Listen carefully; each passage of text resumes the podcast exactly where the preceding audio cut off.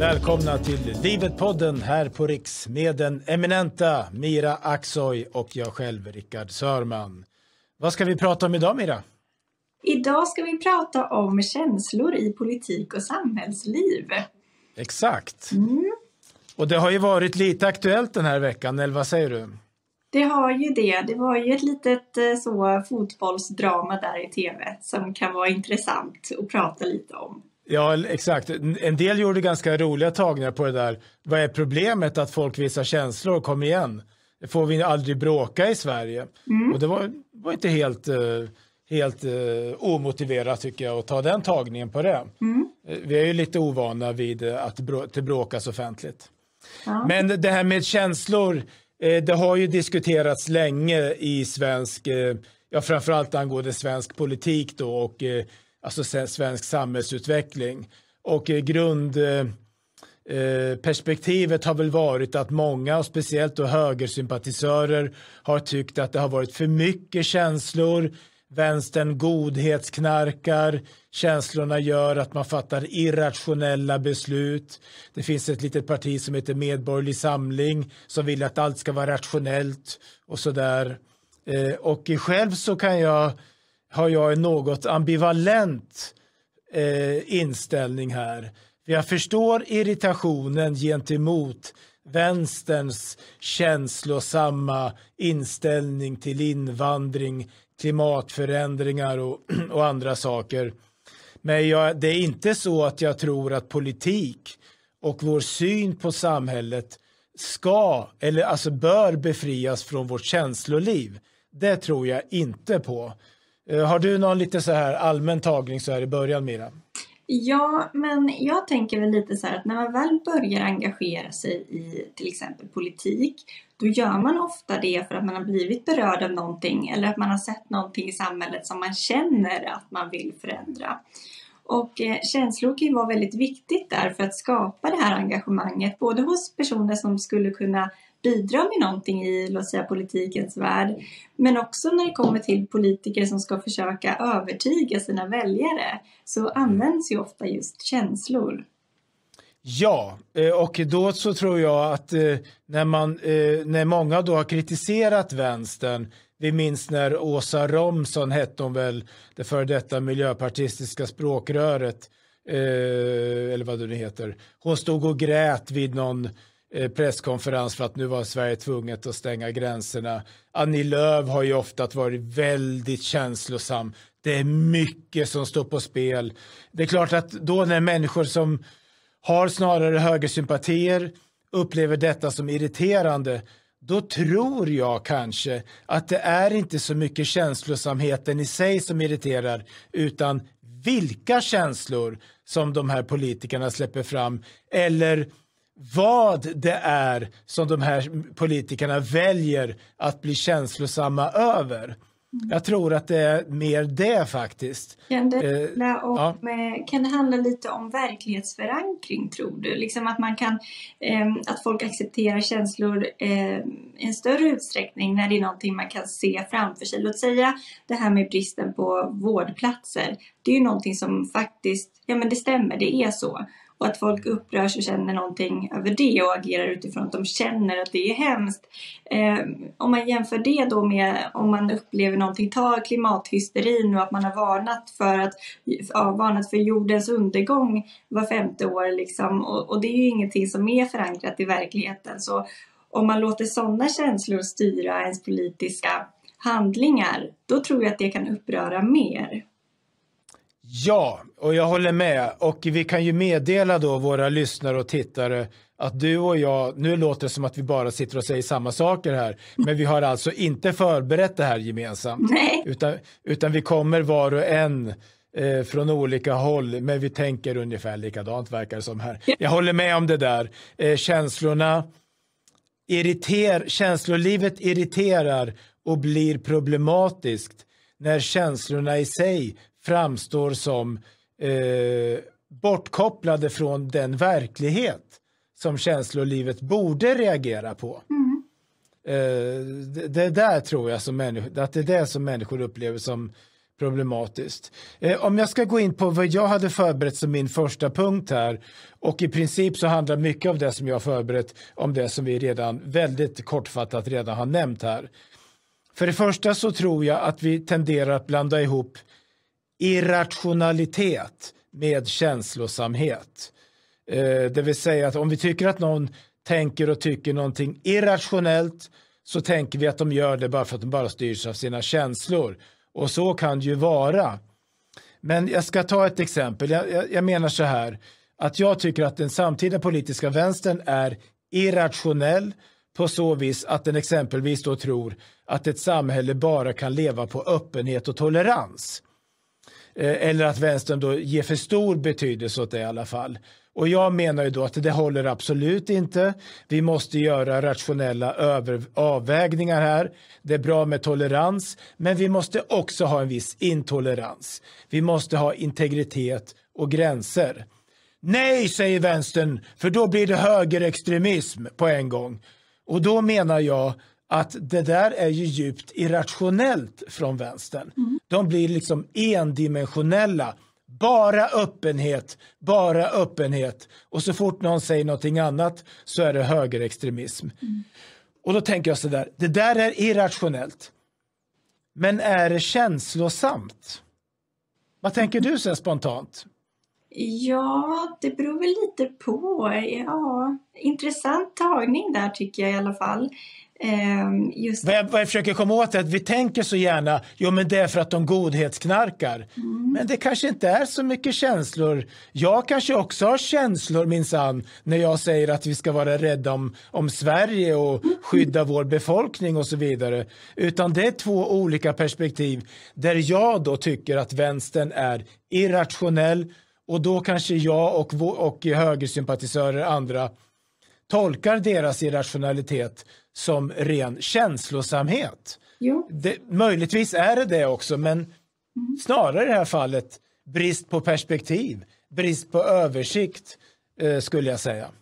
Ja, men verkligen. Alltså där kan man ju se lite, man kan ju dels kritisera vänster för att ha agerat utifrån sina känslor när det kommer till, låt säga, asylinvandringspolitiken eh, och det här med, som jag tog upp då, klimathysterin. Men eh, också så kan det ju vara att de inte är särskilt rationella, att de inte tar hänsyn till hur människan har varit och är i sin biologi och liksom har varit under många, många år. Alltså det handlar ju om att eh, är det särskilt rimligt att förvänta sig av en människa att man ska vara tolerant och öppen mot allt och alla?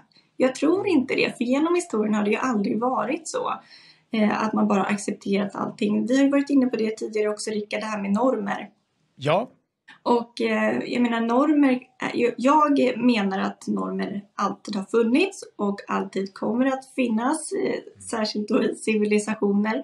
Och jag tror därför att man kan inte förvänta sig eh, sånt av människor, alltså att man ska vara öppen och tolerant mot precis allting. Och där kan man ju då diskutera om det handlar om känslor, att de så gärna Alltså att de känner att åh, alla förtjänar att bli välbehandlade och bemötta med en öppen famn. Eh, men man kan ju också eh, tänka sig att det bara handlar om att de inte har tillräckligt mycket perspektiv och, och kunskap ja. om hur människan fungerar. Jag tror att om det är någon av våra lyssnare eller tittare som tänker vad pratar de om? Eh, så tror jag att det, fakt det vi försöker komma fram till kanske ändå är viktigt här. För det, det All kritik mot vänsterns misslyckade, som vi tycker, och politik behöver inte handla om att de går bara på känslor hela tiden. För det kanske de inte gör, utan det kan faktiskt vara så att de saknar perspektiv och att det är för endimensionellt eh, och att det helt enkelt är okunnigt eller för utopistiskt. Man utgår från en fantasibild, ett önsketänkande om hur människan borde vara. Som när barnen i lågstadiet får skriva en uppsats, så önskar jag att världen vore ungefär. Medan vi då, som du är inne på, vi accepterar att människor behöver gränser, att vi människor inte klarar av att vara fullständigt toleranta, att vi alltid har haft normer och att vi ska vara försiktiga med förändringar. Mm. Och att det där inte alls behöver handla om känslosamhet och att vi kanske egentligen kan också kan bottna i, i känslor när vi säger att, att vårt gamla fina Sverige ska vara Sverige och sådana saker. Mm. Det är också en slags känslosamhet. Mm, och det behöver ju liksom inte vara någonting negativt med känslor. Eh, lite som det vi var inne på där i början, att eh, det handlar väl mer om det är eh, huruvida det är förankrat i verkligheten. Och där ja. kan man ju också ha olika livsåskådningar och man kan uppfatta saker olika. Och, eh, som man brukar prata om att statistik kan vara eh, gynnsam för vem som helst ja. egentligen beroende på vilken statistik du plockar fram och sådär. Mm. Eh, men jag tänker lite så här att för mycket känslor kan leda till att man i en maktposition agerar för mycket i affekt. Och att det kan också undergräva, låt säga då i det här fallet väljares eh, förtroende. Att man kanske tycker att, att en politiker kanske inte beter sig professionellt eller för landets bästa. Om man bara tar, om man reagerar lite för hastigt just på grund av sina känslor. Ja, har du något exempel på det som du men jag tänker väl lite, alltså i sociala medier så har vi till exempel Annika Strandhäll som har gjort sig lite så ökänd för att vara, ja men skriva mycket i affekt, mycket som inte stämmer och gå till attack och det har ju inte gynnat henne som eh, liksom förtroendet för henne. Sen vet jag inte om man ändå skulle haft förtroende för en socialdemokrat om man absolut inte tycker om Socialdemokraternas politik. Men jag upplever ändå att man kan respektera meningsmotståndare som håller en bra nivå. Eh, vilket jag tror att många håller med mig om att Annika Strandhäll inte alltid gör. Ja, visst. Som ett eh, Ja, visst. Det, det var ju Annika Strandhäll och Morgan Johansson som Twitter-krigade i valrörelsen på vad många tyckte då var ett anmärkningsvärt sätt för att vara två ministrar som de var då. Mm. Eh, och det är klart att vi förväntar oss väl av eh, personer i ledande ställning att de ska ha kontroll över sitt känsloliv. Mm. Det tror jag ingår i det här eh, förtroendebyggandet som man bör, bör ägna sig åt. Sen vi då som är lite opinionsbildare så här, det är ju det är klart att vi ska väl också och alla andra som finns på sociala medier och så där, man ska ju också försöka bygga förtroende. Men det kan också vara så att det kan vara bra att visa känslor och visa att, att man är människa mm. och att man då kan ge uttryck för de starka känslor som människor där ute kan bära på. Mm. Eh, det finns ju mycket ilska och vrede till exempel mot den politik som har förts i Sverige och då kan det vara bra att opinionsbildare kanaliserar den ilskan man kan tänka på en Marcus Allard till exempel som sitter och med sin energi. Liksom. Det är ganska skönt mm. för frustrerade tittare att känna den där energin. Ja. För det blir ju deras energi som han kanaliserar. Liksom. Precis, ja men precis. Det blir som att han speglar deras frustration på något sätt. Och det tror mm. jag kan vara rätt skönt för många att se. Ja. Eh, jag hade en annan punkt här som jag eh, är eh, som jag försöker, hoppas att den inte är för Eh, Eh, långsökt och klurig. Eh, om vi gör en motsättning mellan å ena sidan det känslomässiga, känslor, och å andra sidan då det rationella, argument, sakargument, så tror jag ibland att vi ska se upp med detta faktum att de här sakargumenten, rationaliteten, det kan vara någonting som är en fasad, men som i grund och botten bottnar i en känsla. Eh, eh, och då tänker jag så här, att om man bär på den här känslan då, eh, vare sig man är politiker eller inte, att vi får inte exkludera en enda människa. Alla ska med och orättvisor måste alltid bekämpas och alla människor på vår jord ska få komma till Sverige, ungefär om jag, om jag raljerar lite grann. Då är det där i grund och botten en känsla som är svår att omsätta i praktisk handling. För det är ganska svårt för ett enda land att ta hand om jordens hela befolkning. Men man kan bygga upp väldigt rationella konstruktioner för att legitimera den här känslan. Och då tänker jag på alla akademiska teorier om underordning, rasifiering, kategorisering, maktordningar, kvinnoförtryck och, och allt det här som man ägnar sig åt i den här vänsterpräglade eh, i det vänsterpräglade akademiska tänkandet. Allt det där ger ju ett intryck av att vara så super hyperrationellt. Vilket det kanske också är om man bara tar det för vad det är. Liksom, det, det framställs så i alla fall. Men i grund och botten så kanske det är så att det bygger på ett önsketänkande. Mm. Och, och, en känsla av att vi måste ju, vi måste liksom stå upp för alla människor och alla är i grund och botten lika. Alltså måste vi hitta på en teori om att olikheterna bara kommer av språket. Och sådär. Mm. förstår, ja. förstår du vad jag är ute efter? Ja, eller tunnelbanan liksom. Hur, hur då tunnelbanan? Ja, men att man åker, om man åker tunnelbana i Sverige så blir man... Ja, ja. Liksom. ja. Precis, och det där kan man jämföra lite grann med, eh, för jag menar, eh, det här med att studera på universitet. Det kunde man göra redan på medeltiden här i Europa. Och då kom man till universitetet och man fick lära sig tusentals rationella argument som bevisade att Gud existerar. Och att den enda sanna läran är den som, som, eh, som man ta, kan ta till sig i Bibeln och att Jesus var Guds son. Finns det någon idag som tror på de argumentens giltighet? Inte många. Visst, man kan tro på, på, på Gud och man kan vara kristen. Men det är inte så att någon tror längre att det går att bevisa Guds existens. Men det trodde man länge för att man ville det. Man hade den känslan att det var nödvändigt och då skapar man stora avancerade teoretiska teoribyggen för att bevisa detta.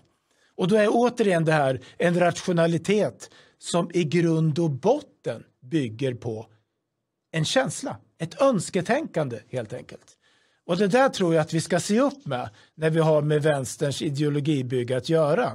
Att det är, fram, verkar rationellt, det, det kanske också är rationellt, men i grund och botten, vad bygger det på? Mm. Ja. Och, och sen kan jag också tycka att det är väldigt genomskinligt ofta när det dyker upp sådana där resonemang från vänster där man ska försöka rationalisera allting in absurdum trots att det inte finns någon grund. Eh, jag tänker då till exempel, jag tror ju i och för sig också när det kommer till sådana saker, vi pratar om eh, invandringsmottagandet, eh, att man vill att man vill ha en känsla. Man vill åt en känsla av att känna sig god. Eh, man vill känna sig eh, bättre än andra. Eh, och det är ju det här klassiska godhetssignalerandet.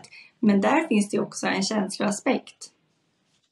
Eh, så det behöver ju inte vara så här att, att alla från början då som, som har propagerat för massinvandringen, att de från början har känt sådär att wow, vi måste ta in alla i Sverige. Utan det kan ju ha varit en sak som har byggts upp över tid, att man vill, eh, jag vet framförallt kvinnor, lite kontroversiellt, men kvinnor är mer känsliga för det sociala trycket.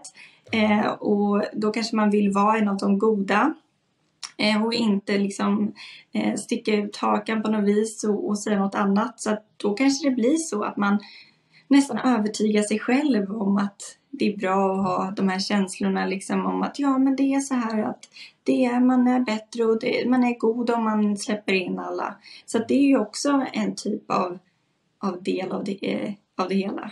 Ja, men tror, tror, tror du att kvinnor styrs mer av känslor än vad män gör när det gäller politiska ställningstaganden. Hur tänker du här Mira? Ja, i vissa fall.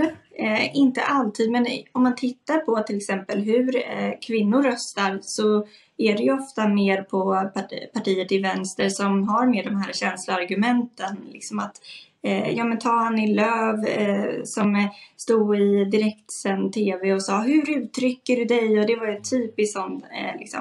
Jag vet inte ens om det var genuint men det spelade i alla fall på känslor. Och att det är många kvinnor som faktiskt tar åt sig det. Och det kan väl dels handla om känslor och dels om det sociala trycket. Eh, sen har jag ju också, alltså det, det är ju inte så att det inte finns män som eh, agerar utifrån sina känslor. Det är bara att titta. Men det finns ju också, det är ju färre män som röstar på eh, partierna till vänster än vad det är kvinnor som gör det. Och de spelar ju ofta väldigt mycket på den typen av irrationella känslor. Eh, om man kan det, baka ihop dem. Det är ett objektivt faktum. Ja. ja, nej, men eh, nu har jag ju ingen fakta här att presentera. Men det är väl min uppfattning. Det finns ju män ja, såklart, men jag tror att kvinnor är mer känsliga för det. Ja, vi sitter och spekulerar lite grann och det har vi rätt att göra ja. för i Sverige råder yttrandefrihet mm. och vi har inte kränkt någon här. Mm. Eh, det är ingen skam att, att vara känslosam, det kanske är bra. Eh, jag tror kanske faktiskt eh, att, eh, att om, man, om man nu skulle kunna mäta det här, om det nu är möjligt, att män kanske möjligtvis är lika känslosamma men att det är andra känslor. Mm. Eh, möjligtvis. Eh, och att manlighet och traditionell kvinnlighet, om vi håller oss till sådana kategorier, eh, för kvinnor kan vara ganska känslokalla och rationella och kyliga också. Eh, men att män och kvinnor kanske har olika känslor eller aktiverar känslor av olika skäl så att säga. Mm. Eh, män möjligtvis, om jag ska spekulera, har en större förmåga att bli, eh, liksom, om vi tänker de stora politiska frågorna idag, att känna liksom, nationell stolthet, att känna en skam över, över den här invandringen. Det här var ju vårt land, det här är ju vi som ska, som ska styra här och känna en ilska möjligtvis då Eh, fast man fortfarande mest går och knyter näven i fickan och sådär. Den har inte kommit ut än. Eh, så att, eh, så att jag förstår vad du är ute efter och det kanske är så. Och jag vet att när den här diskussionen var uppe i samband med att jag och Tina von Schinkel hade gjort ett program i vår programserie Sörman och Tina om bland annat då kvinnor och känslor. Mm. Då så påpekade vi det att det är bara att googla och det finns forskning som visar att kvinnor ofta har en mer känslostyrd eh, äh, agerande. Mm. Eh, men att jag är inte så säker på det där. Eh, det, jag, jag, tror att män också har det, men att det är andra känslor mm. faktiskt. Mm. Ja men absolut, det, det tror jag verkligen att det ligger någonting i. Eh, jag tänkte också ta upp det här med att nu när ni ändå kom in lite på det där med debatter i TV, Annie Lööf som sa hur uttrycker du dig? Så ja. tror jag faktiskt att många avstår att titta på debatter idag som sänds på TV och inte bara partiledardebatter utan de här kortare debatterna när det är lite så eh, en mot en och sådär. För att jag tror att många tänker att man inte kommer fram till någonting. Och just också att det är så många känslobaserade utspel. Ja. Och det kan ju vara så som sagt att, att vissa av de här utspelen är genuina men eh, att man också fejkar de här riktigt starka känslorna för ja. att försöka väcka sympatier. Ja. Och ja, det kanske går hem hos vissa. Så det, igen, känslor är ju också ett verktyg. Ja, det är, det, det, många har ju eh, sagt de senaste åren att de inte längre orkar titta på partiledardebatter. Mm. Eh, för att man upplever att, eh, jag, jag, tror att problemet är att det är så många partier nu, mm. så att det är så många personer och de måste slåss om det där lilla utrymmet. Och då gäller det att leverera något starkt. Eh, vilket gör att det blir lite goddag yxskaft, man svarar inte på varandras frågor och så vidare, utan alla har sina grejer som man förbereder. Men också naturligtvis att man som tittare har rätt till den upplevelse som många har. Mm. Att de faktiskt bara mest står och käbblar som Stefan Löfven sa en gång och liksom inte riktigt för en vuxen och vettig saklig diskussion. Mm. Eh, många har vittnat om det och det ligger nog någonting i det faktiskt tyvärr. Mm. mm. Tror jag nog. Eh, vad tänkte jag mer? Jo, just det. En annan punkt här eh, som jag tänkte lyfta fram. Det är det här med att vad jag kan tänka, som jag var inne på helt kort förut i början, att jag är inte så säker på att det är så fel med känslor i mm. politik. Mm. Utan det handlar om, mer om vilka känslor vi ska bejaka. Um, alltså om, om jag som nationalist hade sett att Annie Lööf exempelvis, andra politiker också, hade uppbådat samma känslor för den svenska befolkningen för svenska pensionärer, för våra egna utsatta och svaga, för Sverige som kultur och som nation, då kanske jag inte hade varit så störd av hennes känslosamhet. Nej. Och faktiskt, om, uh, så att det, det, jag tror att det ofta handlar om vilka känslor det är. Och där ska vi faktiskt inte glömma bort, det tycker jag har försvunnit lite grann i den här debatten om känslosamheten, att känslor har ju en funktion. Mm. Eh, de har vi alltså utvecklat under revolutionen för att de hjälper oss. Rädsla har ju räddat mängder av människoliv. Att vara rädd för ormar är bra. Att vara rädd för höjder är också bra. Och jag skulle våga gissa att rädsla för främlingar har räddat många människoliv under historiens gång. Personer man inte känner igen, man har inte sett dem förr, de är inte en del av den egna gruppen. Bäst jag gömmer mig bakom en sten, jag vet inte vilka de är. Varför inte? Det är säkert en rationell känsla. Eh, och eh, det är ju så att, eh, just det, och där då kommer jag in på det där som vi sa i början. Det här är jättebra till viss del, så länge känslorna aktiveras på ett ändamålsenligt sätt. Mm. Det vill säga så länge jag har en reality check. Alltså att vara rädd för ormar är bra, men att vara rädd för kaniner, det är helt irrelevant. Mm. Eh, så att säga. Eh, och att vara rädd, som jag då tycker om man ska ta de här svensk politiska perspektiven, att som svensk vara rädd för en rimlig, modererad och god svensk nationalism.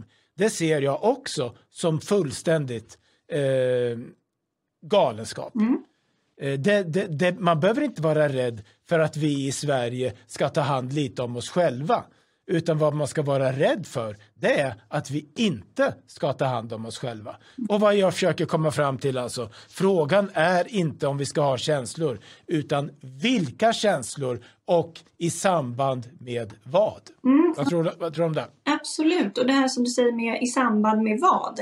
Eh, mm. Om man tänker på det här med eh, statistik och om man tittar på eh, brotten som begås i Sverige, våldsvågen som det så fint kallas, eh, den här ja. gängkriget som jag föredrar att kalla det. Eh, ja. Och, och, allt, liksom gruppvåldtäkter, all eh, sådana här förnedringsrån av, av svenska ungdomar, eh, alltså som, som begås av invandrade ungdomar ofta. Mm. Eh, och eh, om man tittar på det, då finns det ju faktiskt en befogad, alltså en anledning till att vara rädd. Det är ju en känsla, rädd. Det är ju inte befogat att vara rädd för eh, liksom sån nationalism som du beskriver. Det finns inget att vara rädd för med det. Eh, och, och sen så kanske vissa kan argumentera med sina liksom vänsterperspektiv mot det. Men alltså om man tittar på eh, liksom riktig, alltså våld, eh, fara sådär då finns det ju fog för att vara rädd för massinvandring. Det finns Visst. det faktiskt. Eh, Visst. Mm. Jag pratade igår med, eh, igår och det blir alltså nu eh, igår onsdag här den 29, idag är det torsdag när vi spelar in det här. Eh, jag pratade med Pontus Andersson då, som är riksdagsledamot för Sverigedemokraterna och som har engagerat sig mot de här eh, förnedringsrånen. Fyra av fem unga rånoffer är svenskar mm. och eh, förövarna är ofta invandrarungdomar. Och de väljer ut unga svenskar för att de är svenskar. Mm. Ergo, alltså, är man ung svensk och möter unga invandrare ute på stan finns det större anledning att vara rädd än om man möter eh, unga svenskar. Mm. Alltså om vi bara tar den mm. eh, aspekten då, sen finns ju andra också naturligtvis. Mm. Eh, är, tycker du att det är rimligt att vara rädd för islams framväxt i Sverige? Ja, det tycker jag absolut. För om du tittar på länder där det har sett lite liknande ut, att islam har börjat bre ut sig och sen så tittar man på vad det har hur det ser ut idag. Ta till exempel då Libanon eller det absolut bästa exemplet kanske Iran. Eh, om man tittar på bilder från 70-talet på hur de satt där i sina korta kjolar, tjejerna och studerade på universitet och nu eh, den här stora, liksom, de, kvinnorna kämpar för sina liv för att de vill slippa eh, gå heltäckta. Eh, och eh, det gäller det här förtrycket, alltså det är naivt som tusan att tro ja. att om man importerar en så stor mängd människor som har den typen av värderingar, alltså eh, muslimer som har den typen av värderingar, då är det väldigt naivt att tro att det inte kommer bli så här också. Så absolut finns det grund och fog för att vara rädd för det. Eh, ja. Det är bara att titta det... på hur samhället ser ut.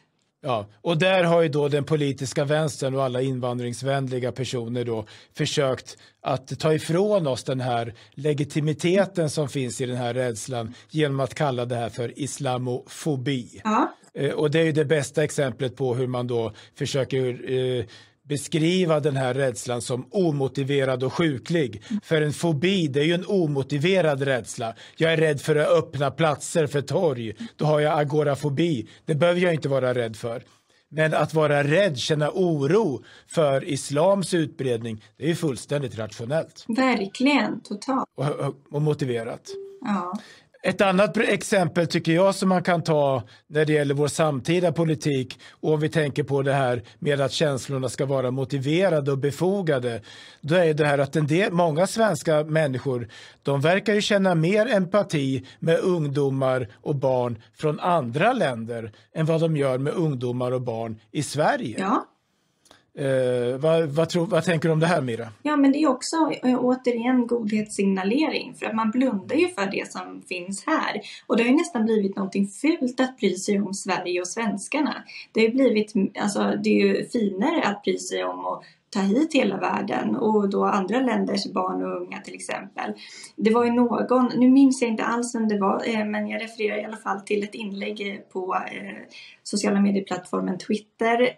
Det var en, någon kvinna som skrev att, att det är ju inte så trevligt i, om det var Somalia, det var något afrikanskt land, för någon frågade om asylskäl och då liksom, är det krig i, jag tror någon frågade om det var krig i det här landet, om det då var Somalia. Så svarade den här kvinnan, nej men det är väl inte så trevligt där.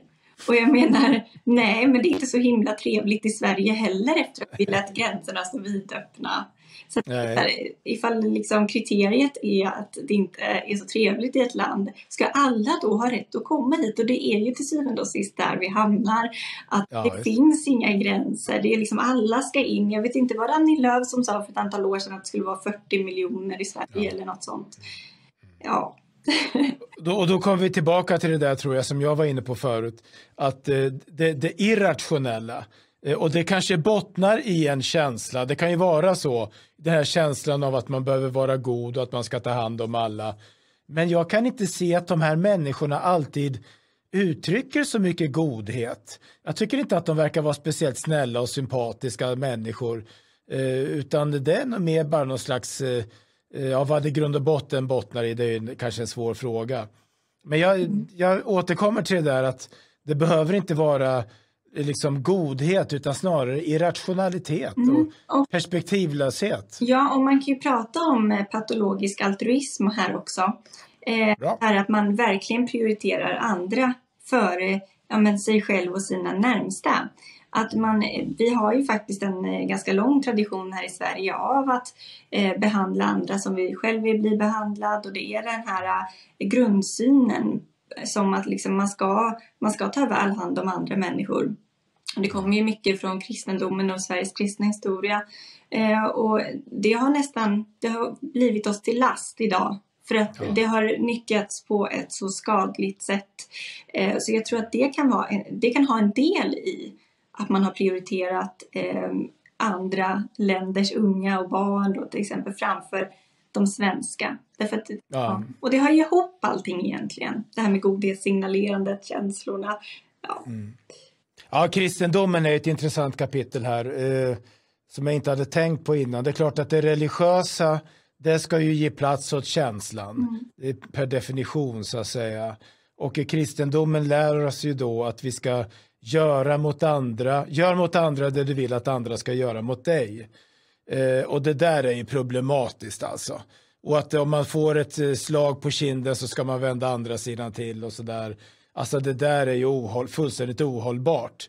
Man kan inte ta det där alla lettre så att säga, alltså ordagrant. Det går inte. Och ibland tenderar ju vissa kristna idag att göra det. Mm. Eh, alltså jag brukar vända på det där, jag har gjort det i någon krönika på Riks. Okej, okay, gör gärna mot andra det du vill att andra ska göra mot dig. Men, säger jag, låt inte andra göra mot dig det du aldrig skulle göra mot andra. Nej. Det vill säga, om jag, om jag skulle vara flykting och så kommer jag till ett land och så får jag uppehållstillstånd, medborgarskap, mina barn får gå i skolan, jag får barnbidrag, alltså jag får tillgång till allt. Tackar jag för hjälpen genom att fuska till med bidrag och engagera mig i kriminalitet? Mm. Nej, det kommer jag inte att göra. Förhoppningsvis i alla fall. Varför ska jag då låta andra göra det mot mig? Precis. Det, ja, du kom in på det där. Men, ja. men det är problem med kristendomen här och de här känslorna och alla är lika mycket värda. Alltså det går inte att, att driva ett samhälle på det sättet. Det, det, gör inte det. Nej, och det där handlar ju också egentligen om tolkningar. Eh, och också hur, eh, hur samhällen har sett ut tidigare. Eh, och det här riskerar också att bli väldigt, väldigt kontroversiellt. Eh, men det här med att, som vi pratade om lite tidigare, att ja. det, det, kan finnas fog för att vara rädd och känna obehag inför eh, ja, men människor som är främmande helt enkelt. Ja, ja, för att man delar, man vet inte hur de fungerar, liksom hur de tänker, eh, vad de har för värderingar och då blir det lite, det är helt, helt naturligt, helt normalt att man känner obehag då. Ja. Eh, och det kan man såklart koppla hit också, att, att förr i Sverige så fungerade det. Alltså, då visste man var man hade varandra. Eh, man visste att eh, ja, men alla som bodde i ens by eller i ens stad ungefär hade ganska liknande värderingar, i alla fall ganska liknande sätt att se på livet. Idag är det inte så och då blir det som du säger. Vi kan inte låta oss matas med eh, kaos och våld och brott och, och sen eh, liksom klappa dem lite så snällt på kinden. Att, Nej det funkar inte, för det, det, funkar inte åt båda hållen och då handlar det återigen, då är det om tolkningar och jag vet att eh, ja, men, Svenska kyrkan har ju dragit det här till sin spets. Eh, det har nästan blivit som att socialdemokrati ska vara, eh, det ska finnas ett likhetstecken där mellan, mellan den eh, ideologin och eh, kristendom i Sverige. Mm. Och det är ju ett jättestort problem också att det har blivit synonymt för många. Ja, det, det, är ett jättestort problem. Jag är medlem i Svenska kyrkan och jag tycker att det, är, det här är ett sorgligt kapitel. Mm. Och det är ju faktiskt så att kristendomen har funnits i 2000 år och den har kunnat användas till det mesta, mm. även till erövringskrig och tvångs, eh, tvångsomvändelser. Och jag säger inte att det var bra, absolut inte, men det är inte så att man bara kan göra en enda tolkning av kristendomen. Jesus säger bland annat att den som inte är med mig är mot mig. Och eh, han talar om den yttersta domen, människor ska dömas, samtidigt som han säger jag dömer ingen. Alltså man kan läsa in så många olika aspekter här och den nuvarande svenska eh, liksom teologiska dominerande linjen är inte självklart den enda rätta utan det finns faktiskt andra möjligheter. Mm. Och det som du var inne på här, det här med då att den här snällheten, den här toleransen gör att vi släpper in ett slags kaos, eh, det, det okända som vi inte riktigt vet vad det är. Där skulle jag då vilja se mer av funktionella och välbehövliga känslor bland svenskar. Svensk stolthet. Ja. Svensk ilska.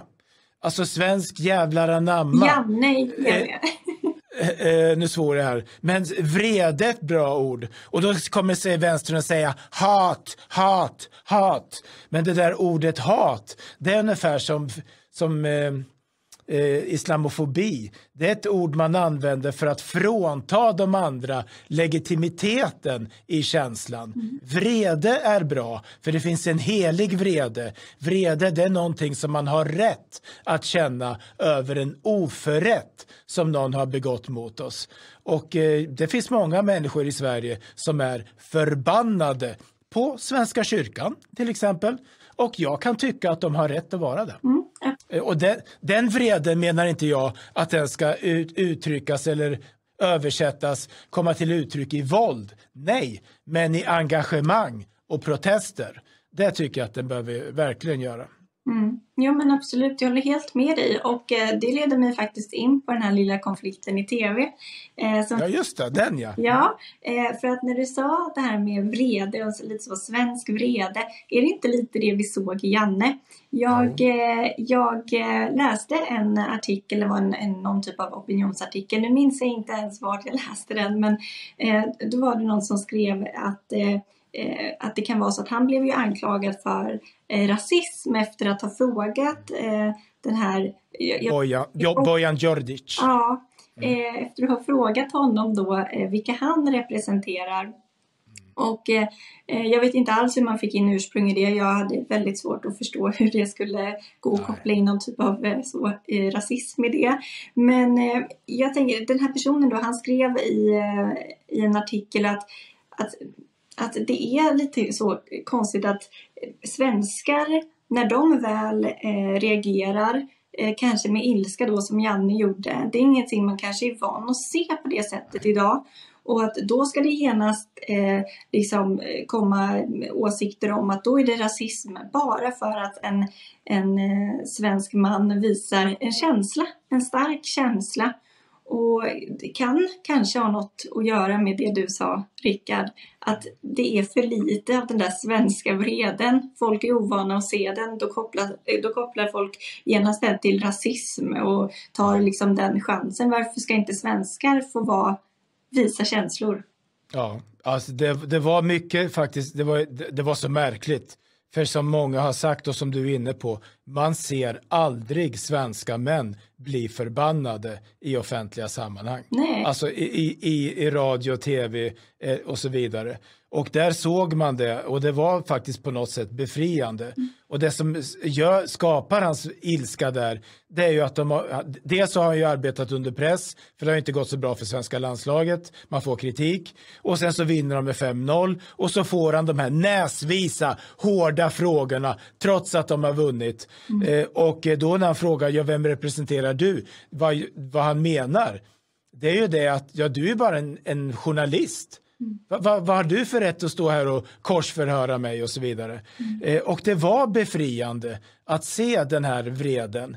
Eh, och sen att han råkar vara svensk och Bojan då har ett annat ursprung, det tror jag inte spelar någon roll. Det var inte det som skapade vreden. Men det är klart att man kanske kan läsa in det efteråt. Mm. Men det är sant att det finns mycket återhållen ilska hos svenska män som aldrig, aldrig kommer till uttryck i det offentliga rummet. Mm. Så vitt jag kan komma på nu i alla fall. Ja. Eh, och som är för, för, förbjuden och anses vara farlig och som inte liksom får finnas på något sätt. Nej precis, antingen är det ju toxisk maskulinitet eh, som folk kritiserar sånt för eller så är man helt plötsligt högerextremist. Alltså det ja. liksom, eh, bara man är svensk och är arg, så, en svensk arg man, då är man mm. liksom en eh, en vit medelålders man som ja. inte kan hålla känslorna i styr. Men ifall det skulle vara då en eh, utländsk man som visar känslor, jag vet inte om det hade tagits emot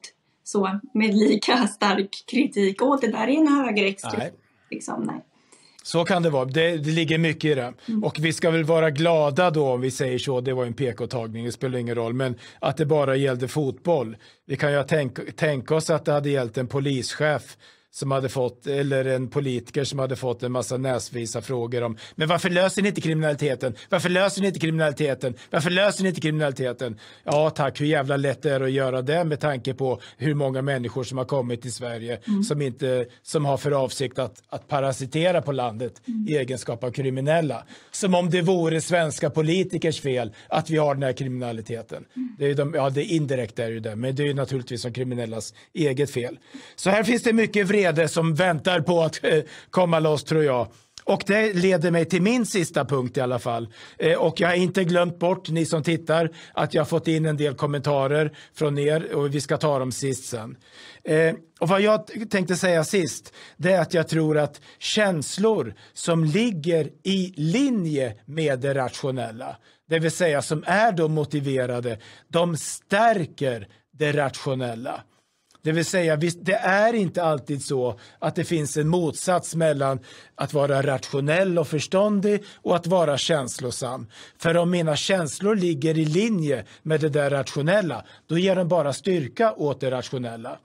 Om jag rationellt tänker, den här personen har gjort mig illa, tänker göra mig illa, har begått ett övergrepp mot mig, mot mina närmsta, mot mitt land. Jag behöver reagera på det nu då är det kanske bra om jag också blir arg.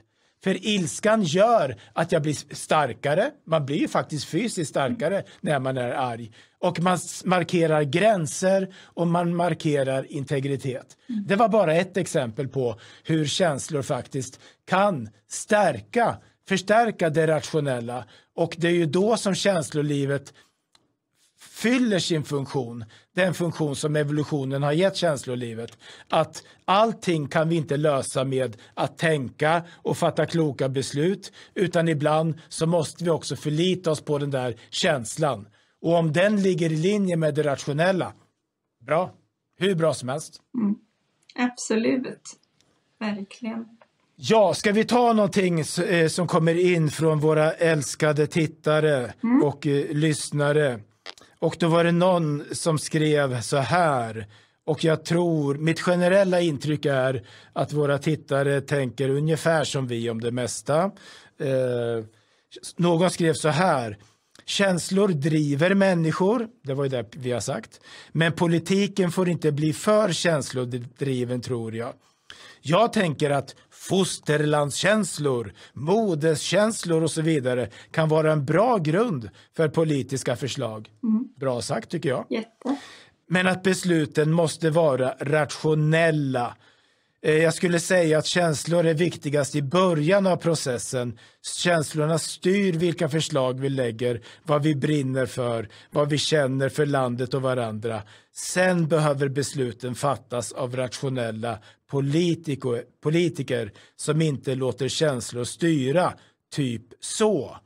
Vad tror du om det Mira? Jo men absolut, eh, det för tankarna till eh, sådana folkuppror ute på gatorna som i Paris till exempel, Frankrike, ja. Nederländerna. Det här med att eh, folk känner någonting så starkt att man tar till gatorna liksom.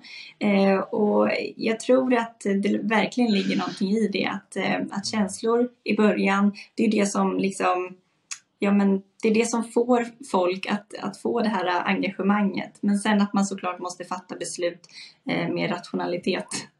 Ja, eh, ja, jag tror också det där att politiskt engagemang eller vilket engagemang som helst eh, hittar ofta sin näring i känslor mm. eh, faktiskt. Och att det, det ska man inte missa. Sen har några tittare skrivit in och tagit kanske mer den här tagningen av att vi behöver rationalitet och inte känslor. Någon skriver till exempel så här. Politik måste föras och ledas som ett företag. Så lite känslor som möjligt. Man ska vara konsekvent. Eh, och min kommentar då är väl, ja visst, jag förstår, men jag tror ändå, som vi kanske har varit inne på här, att känslor är inte fel. Förutsatt då att de ha, ligger i linje med mitt eget intresse så att mm. säga. Precis. Ja. Verkligen. Vi, eh, och så var det någon som skrev fosterlandskänslor möjligtvis. Och då är det ju någon som då tycker att vi ska ge mer betydelse åt fosterlandet, det gamla Sverige. Och då tycker man att det är bra med känslor. Och det är väl det som vi har varit inne på. Eh, någon annan skrev så här. Känslor är bra som startskott på förändring men beslut ska inte vara känslostyrda. Eh, och det var väl det som eh, jag läste upp förut ungefär. Mm. Och där har jag faktiskt en liten så att jag tycker mm. ändå att beslut kan få lov att vara känslostyrda men inte bara då, som sagt, så länge de också har grund i verkligheten. För om det är då, mm. låt säga att man har den här fosterlandskärleken och man vill, eh, ja, men man vill ha Sverige på ett visst sätt då måste man ju kunna få utgå ifrån att man vill ha det på det här sättet när man fattar politiska beslut men samtidigt att man är rationell när man gör det. Så att en kombination kanske. Man kanske inte behöver utesluta de här känslorna helt. Nej, mm. visst. Eh, jag tror, jag sitter och försöker, eh, jag lyssnar på vad du sa med ena örat och så försöker jag tänka på något annat samtidigt. Eh, och om man ska eller, summera ihop det här lite grann så tror jag att vi till viss del då har den här grundläggande skillnaden mellan det rationella och det känslosamma. Och den är ju bra att ha med sig. Och speciellt om man möter människor som bara är känslosamma och som är stoltserar med det. Eh, sen på nästa nivå så ska vi försöka komma över det och inse att det kanske mer handlar om att vil vilka känslor vi ska bejaka.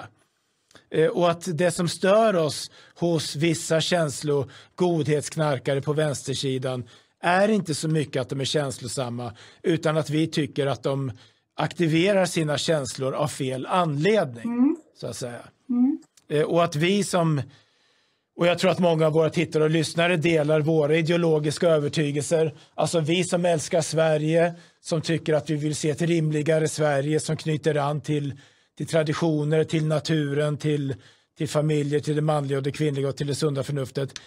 Vi har våra känslor och vårt känsloliv och det ska vi våga ta på. Ta på våra känslor och lyfta fram dem. Eh, kanske lite mer ibland. Ja. Eller vad, tro, vad tror du om det? Jo, faktiskt. Mer känslor, verkligen. Varför inte? Som sagt, det behöver inte vara något dåligt med känslor. Nej. Mm. Nej. Men att politiska beslut sen då naturligtvis ska fattas eh, utifrån det rationella. Och där då att de goda känslorna är de som ligger i linje med det rationella, rimligtvis. Absolut. Ja, bra. Något mer som du vill tillägga, Mira? Nej, jag tycker vi har fått med det mesta här. Att, som alltid nästan när vi pratar så kommer vi fram till att balans är det viktiga. Och det kanske är ja. den här ursvensken i oss med lagom liksom. Exakt. Tänk vad kloka de var i det gamla bondesverige. Ja. La, lagom är bäst. Absolut. Eh, och eh, det är väl det som är, eh, ja det, det är så klokt. Det är så klokt och det går igen på det mesta. Mm. Problemet med det, det är ju det att de lagom är här i mitten och så har man länge legat här av någon anledning. Ja. Lagom öppenhet, lagom invandring, jättemycket öppenhet, jättemycket invandring. Då behöver man gå hit för att kompensera mm. och hitta tillbaka till lagom. Precis. Det är det som är. Bra, då tackar vi för idag. Livet-podden återkommer, lita på det. Och vi ska försöka vara både rationella och känslosamma även i framtiden. Tack så mycket för att ni har tittat och lyssnat.